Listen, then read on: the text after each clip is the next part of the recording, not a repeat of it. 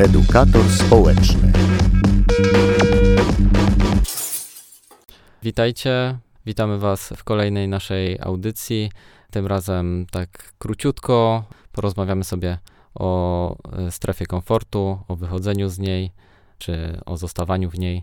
I zapraszamy Karol Gawron i Szymon Dylow. Jest taki moment, kiedy trzeba wyjść poza strefę komfortu, robisz rzeczy do tej pory znane, a w pewnym momencie musisz zdobyć się na zaufanie, skok w przepaść i robisz rzeczy, które na razie donikąd cię nie doprowadziły. Efektów żadnych nie widzisz, totalnie w ciemno robisz, tylko na podstawie zaufania albo intuicji, jakieś przeczucia, albo pragnienia, że chcesz coś zmienić i czasami to jest długo, tak jak bambus, zanim zacznie mocno rosnąć w górę, dwa lata rośnie tylko korzeniami, nie? Mhm. No i to jest właśnie ten decydujący moment, żeby się zdobyć na ten skok. To jest myślę największe wyzwanie. Bo potem jak zaciągnie, to znowu inne są wyzwania, żeby sobie nie odpuścić, w pewnym momencie nie powiedzieć, a już nic nie potrzebuję i tak zgnuśnieć. Mhm. No tylko też na pewno znasz takie uczucie, kiedy jesteś w tej strefie komfortu, jest tak powiedzmy fajnie, cieplutko, mhm. ale jest takie poczucie jednak tego, że no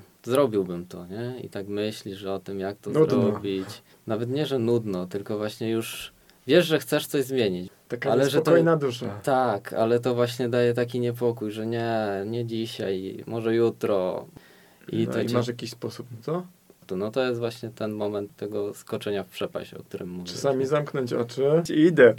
Tak, ale właśnie już samo to właśnie wyjście z tej strefy już ci daje ulgę tego, że już zadecydowałeś, jesteś, wchodzisz w to trudno. Już się dzieje, już się nie tak. frustrujesz, że nic nie robisz. Tak, no. albo że teraz przed tobą ta trudność. No trudno, teraz już jest reakcja tylko właściwie na to, co się dzieje. Nie? Bo też nieznane najbardziej straszy. Dokładnie, kiedy się już przełamie ten właśnie taki moment i się wyjdzie z tego takiego zastania i właśnie z tego komfortu, no to potem już jest rzeczywiście łatwiej, nie?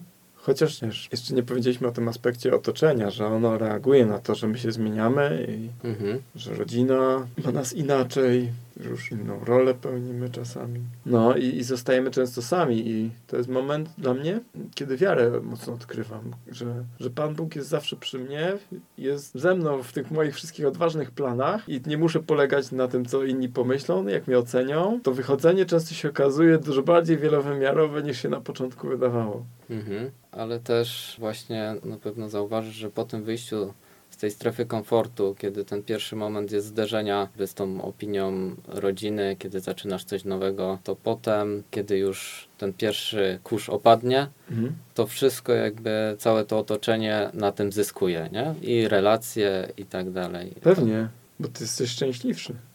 Tak, tak.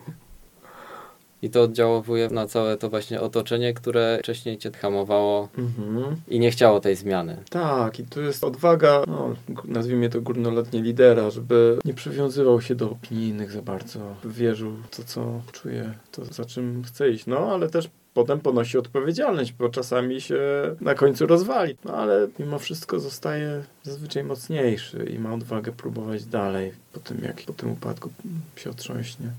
Życzymy Wam odwagi, żebyście się nie poddawali i wychodzili z tej strefy komfortu. Do usłyszenia. Na razie. Edukator społeczny.